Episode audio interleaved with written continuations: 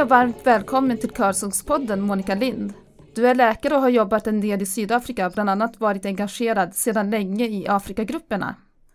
Nyligen var du i Sydafrika och det är också därför du är med i det här avsnittet av Körsångspodden.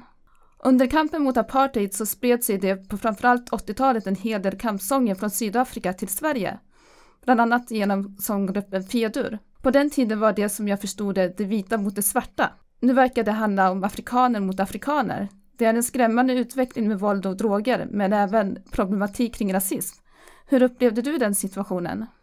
Ja, ja, tack för det första för att jag får vara med i det här fina programmet. Eh, ja. Och sen angående situationen i Sydafrika så har den varit tidvis spänd även tidigare. Redan när jag arbetade där på 1990, slutet av 1990-talet så fanns det en del främlingsfientlighet gentemot ja, arbetare från andra länder och då var det väldigt mycket gentemot eh, mosambikanska gruvarbetare. Sen tycker jag nog att ja, i perioder så har det här våldet och främlingsfientligheten ökat. Det var omkring 2008 var det väldigt mycket, 2015 var det också väldigt mycket och sen i år har det dykt upp igen. Men nu så är det andra nationaliteter som är mer drabbade eller som har varit drabbade på senare år. Mm. Människor från eh, Nigeria, eh, från Somalia, från eh, Burundi till exempel, även Kongo i viss utsträckning. Så att, men eh, det, det är väldigt sorgligt tycker jag. Och mm. särskilt då när man har varit i, i det här solidaritetsarbetet i så många år och arbetat och kämpat för ett demokratiskt Sydafrika. Också det att under apartheidtiden så fick ju Sydafrika otroligt mycket stöd och hjälp från andra länder. Att många som flydde dit fick bo i de länderna och det var till exempel i Nigeria och Zambia och Tanzania och så vidare. Men ja, det, det känns ledsamt på ett vis. Mm. Det är det. Ja.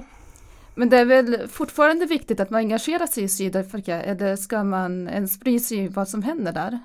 Du menar att, att vi här engagerar ja, oss? Ja, precis. alltså vi ska ju alltid stå upp tycker jag för eh, rättvisa och eh, demokrati, stöd till kvinnor, stöd för vettiga arbetsförhållanden. Och till exempel Afrikagrupperna nu har en del stöd i till exempel Sydafrika då som gäller eh, stöd till lantarbetare, vinarbetare och även till miljöorganisationer och förstås kvinnor mm. och så vidare. Då. Så att eh, det behövs väldigt mycket. Jag ska säga det att det finns många sydafrikaner som också är väldigt eh, ja, både ledsna och arga över den här utvecklingen som inte instämmer i den. Nej, precis. Eh, det verkar som det är en världsomfattande fientlighet mot någon som kommer från någon annanstans. Mm. Det är mm. liksom både här och där. Men, men det är sorgligt. Verkligen. Vi får försöka se vad man kan göra åt det. Ja, eh, det första jag tänkte på som är uppvuxen med kampen mot apartheid på ett nära håll, om än i Sverige, var just om de här gamla sångerna behövdes väckas till liv igen. Kampsångerna tänker jag på då. Men så hörde jag ett reportage i Sveriges Radio om att vissa inte tyckte att man kunde hänvisa alla problem till apartheidtiden utan att nu är det nu och det var det man behövde förhålla sig till. Jag får ett intryck av att Sydafrika är ett vilset sedan Nelson Mandela dog. I alla fall efter allt jag har läst om på nätet. Körsången som tradition verkar rätt stark i Sydafrika. Skulle den kunna påverka politiskt i dagens Sydafrika på samma sätt som den gjorde då? Eller vad tror du? Jag tror att körsång och sång och kultur överhuvudtaget är väldigt viktig och inte minst viktig när det händer saker och här eh, som nu då, att man kan använda den och till exempel kanske ändra någonting i texter eller så så att det bättre passar in då på de problem som vi möter idag. Så att eh, musik och kultur och sång, det tror jag är oerhört viktigt. Just också för att man kan möta människor emellan. Det, det blir på en annan nivå. Mm. Det här personliga som är viktigt. Men som reporten sa så säger en del att man inte kan haka upp sig på det som hände under apartheidtiden. Är det inte att ignorera sin historia genom att tänka så?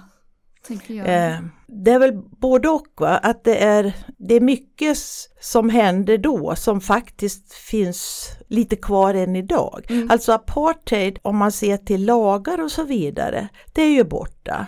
För att man har ju en väldigt demokratisk konstitution i Sydafrika. Men ser man till verkligheten så är det ju en annan sak. Fortfarande är det ju så att det är framförallt svarta som bor i fattigare områden. Eh, de går i skolor med väldigt många elever och väldigt få lärare till exempel. Eh, även om man har man pengar så kan man gå i en bättre skola. Men så att det är mera nu ekonomin som styr. Men eh, den tidigare apartheid har ju gjort att som svart så har man ju fått en sämre utbildning och sämre stöd och sämre förutsättningar. Så på så vis lever ju apartheid fortfarande kvar. Men som sagt var inte i laglig mening. Men i praktiken så finns det ju just med levnadsförhållandena Mm. återspeglar mycket det som var förr.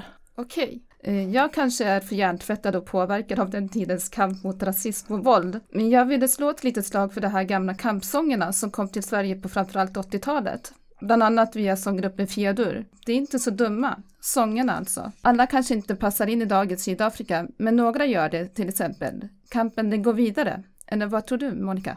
Ja, nej men det är suveränt, det tycker jag också. Tyvärr så tror jag att demokrati och annat, det är ingenting man kan ta för givet utan den får man nog alltid kämpa för att behålla så att det inte ramlar tillbaka. För att om vi bara tänker på vad som händer nu i Sverige och, här i närregionen så håller vi i vissa fall då på att falla tillbaka. Jag tänker på kvinnors utsatthet Mm. och så vidare. Så att eh, kampen den kommer alltid att gå vidare men den kanske kommer att se lite olika ut och Precis. gälla lite olika saker. Mm. Men det är nog för evigt, Ja. tror jag. Hur var det i Sydafrika du lämnade nyligen? Märkte du av det här problemen när du var där? Ja, eh, genom media, inte personligen, det gjorde jag inte, men genom media, man läste i tidningar, det var mycket på radio och tv för att det hade varit då en hel del, vad ska man säga, aggressiva aktioner mot eh, människor från andra länder. Mm. Och jag kan också berätta att jag bodde bland annat några dagar hos en sydafrikansk familj, en vit sydafrikansk familj som bor i utanför Durban men i ett område där det i stort sett bor mest svarta personer. Och eh, mannen i det huset, han är läkare och jag följde med honom till hans arbete. Förresten, hans hustru är sjuksköterska och de arbetar som volontärer på en klinik som drivs utav den katolska kyrkan centralt i Durban. Så att jag var med där och satt med honom på hans mottagning och de som kom dit till den gratismottagningen då så uppskattade jag att den vid den tidpunkten då att ungefär 40 procent kom från andra länder. Mhm. Och just den dagen, det var från, nu ska se om jag kommer ihåg, det var från Kongo, det var från eh, Mosambik, det var från Kenya och från, jag har för mig att det var någon från Burundi eller om det var Somalia också. Och sen resten från Sydafrika. Och ja, de som kommer det kan vara sådana då som har dåligt med pengar men de tar även emot illegala eh, flyktingar och så vidare som Okej. finns i Sydafrika. Mm. Så att på så vis mötte man, jag fick ju höra, ta del av deras berättelser. Plus att den här läkaren, sydafrikanska läkaren också berättade en del som hade hänt de senaste veckorna när det var ja, tusentals flyktingar som blev attackerade och deras hem delvis brändes ner. Och flera av dem, de fick sedan då sin tillflykt i en kyrka. Nu minns jag inte om det var en katolsk eller en, en protestantisk kyrka, men i alla fall en kyrka där de sen hade vistats i, ja, under en period så att säga. De var inte kvar nu, men de hade gjort det. Så att eh, på så vis råkade jag ut, Mm. eller jag fick, det blev väldigt verkligt och väldigt påtagligt. Mm. Jag har fått ett intryck av att det är viktigt med körsång i Sydafrika. Fungerar den på samma sätt som i Sverige? Nej, det, det, det tror jag väl inte. Eh, det finns väldigt mycket körer där och många är knutna till olika kyrkor. Det kan också vara att det är knutet till skolor och så vidare. Jag tror vi har en större variation här i Sverige för vi har ju ett väldigt ja, många studieförbund till exempel och många, ja, helt ideella kör, körer mm. som, som inte är knuten till vare sig något särskilt studieförbund eller till något, eh, någon kyrka eller skola eller arbetsplats eller så. Så att jag tror att vi har det men ja, jag träffade inte någon kör den här gången. Däremot träffade jag en kvinna som var med i den kör som hon, hon finns i Mamelodi i en kyrkokör i en, en protestantisk kyrka där. Och de var i Falun här på besök i, nu minns jag inte vilket år det var, kanske 2001 eller två eller någonting mm. sånt. Och eh, det var i samarbete med Falu fredskör. Och henne träffade jag nu igen och hon berättade, hon är fortfarande aktiv i den kören då. Mm. Men jag träffade inte resten av körmedlemmarna, Nej. bara henne, den kvinnan. Okej. Här kommer sången Bamtata. Bantata, bantata, bambekae, wasuka wakala, watiaman. Bantata, bantata, bambekae,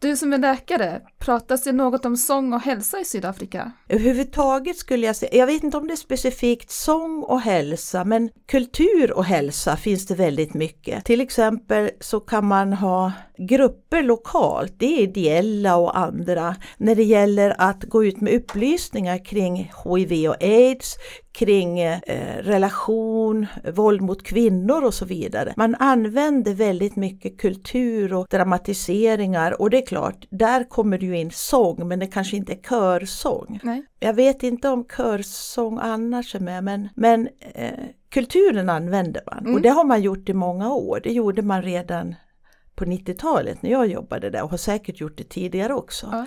Sen vet jag att tv-program, de kan ha dramaserier såna, i flera avsnitt som berör ja, vad ska man säga, hälsoupplysning. Eh, där man plockar in då kring till exempel HIV och aids eller eh, andra hälsoproblem. Mm. Så då kan man säga att det finns en liten koppling där, så det inte bara är ett svenskt fenomen att hälsa och sång hör Nej. ihop, utan det är Nej, liksom- nej, nej, nej, utan det är, man, man använder det för att utbilda människor. Ja. Eh, Så använder man eh, tv-program, dramatiseringar, annat. Poesi Mm. använder man ju väldigt mycket. Man har väldigt många fina poeter i Sydafrika.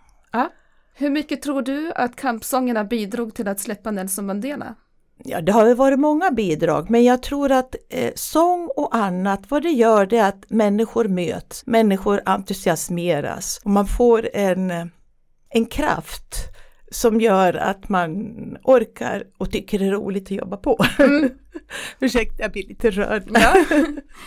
Det går bra det. Det känns som att man vill göra något bra för att stävja situationen i Sydafrika, men det lilla jag gör med podden räcker inte så långt. Afrikagrupperna, jobbar det något med körsång när det är samarbetar med till exempel Sydafrika? Jag tror inte att vi gör det nu, men vi har tidigare när vi hade en, en bättre ekonomi, vi fick ju mer stöd från Sida förut, så då vet jag att vi bjöd in väldigt många kulturgrupper, sydafrikanska kulturgrupper till Sverige. Eh, dels att vi gjorde det ensamma eller i samarbete med, med andra organisationer. Och det var ju liksom, och gav stöd då, då, då gällde det även eh, körer och annat. Men i dagsläget, då, då tror jag inte, det finns liksom inte något ekonomiskt utrymme för det vad jag vet. Okej. Jag trodde att det främst handlade om främlingsfientlighet i det som pågår nu i Sydafrika. Men så ramlade jag över en kulturartikel som Jenny Högström hade skrivit i Aftonbladet. Där nämner hon en kvinnokamp som börjat långt efter det att metoo kom på tapeten. Det har inte funnits utrymme för kvinnor att tala på grund av våldet mot kvinnor. Det dör en kvinna var tredje timme i Sydafrika. Men nu verkar man ha nått en punkt där man inte finner sig i situationen längre. Enligt Jenny Högström var ytterligare ett mord på en kvinna droppen som fick bägaren att rinna över. Hur ser du på den saken? Jo, och det var det faktiskt eh, kvinnomanifestation demonstrationer på gång när jag var där. I, just med protester mot våldet och även var det väldigt mycket i tidningarna just kring att kvinnor dödades. Bland annat var det en skolmarsch i, i Kapstaden, för jag var där ett kort tag också. Och eh, den som jag uppfattade så rörde det både skolsituationen och kvinnors situation. Mm. Det är viktigt att inte glömma hur det en gång faktiskt var och eftersträva att det inte blir så igen. Jag avslutar med att säga upp, upp till kamp mot rasism, våld och droger. Ja, man måste börja någonstans. Jag börjar och fortsätter genom Körsångspodden. Hur har ditt liv som körsångare varit? Oj, det har varit fantastiskt. Jag har varit med, jag är faktiskt med nu i Falu fredskör och det har jag varit med sedan kören bildades för ja, 35 år sedan om jag räknar rätt i hastigheten. Mm. Så att, eh, och det har ju varit väldigt givande och ja, entusiasmerande. Svårt ibland att lära in texter och noter och sånt. Så, fast vi har inte så mycket notinlärning men att lära sig sångerna. Mm. Men just att vi har en väldigt fin gemenskap och vi har gjort många intressanta saker tillsammans. Mm. Bland annat har kören varit i Sydafrika. Mm. Mm. Har du sjungit i fler körer än Fredskören? Nej, det har jag faktiskt inte, så det är säkert trevligt i andra också. Ja. Vad har det gett dig att sjunga de här kampsångerna? För jag vet att ni har gjort en CD-skiva med några av de här gamla körsångerna i Fredskören. Vad det har givit mig? Ja. Ja, nej men det, det har varit de sydafrikanska körsånger vi har sjungit, de är enklare än vissa andra just. Och sen just det här att det är med rytm och lite steg och glädje och särskilt då när man har sett sydafrikanska körer sjunga samma sånger så, Mm. så är det ja, väldigt roligt.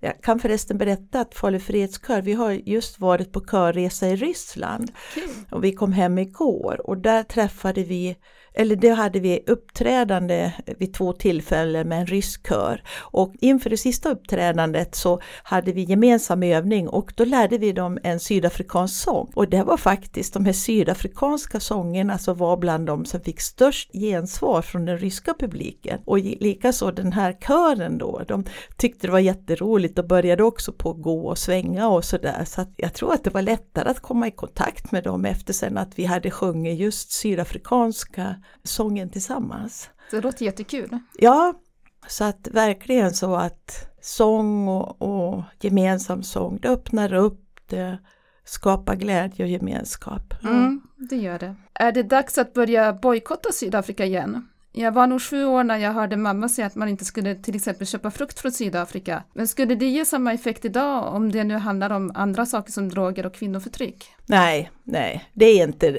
inte, inte någonting sånt. Man, nej, det, det skulle inte ha någon roll. Det skulle bara verka konstigt tror jag. Ja. ja. Då tackar jag dig Monica Lind för att du vill vara med i Körsångspodden och prata om dagens Sydafrika. Tack så hemskt mycket och tack för att jag fick vara med. Vi avslutar med att lyssna på Akana Mandla. Ut och sjung!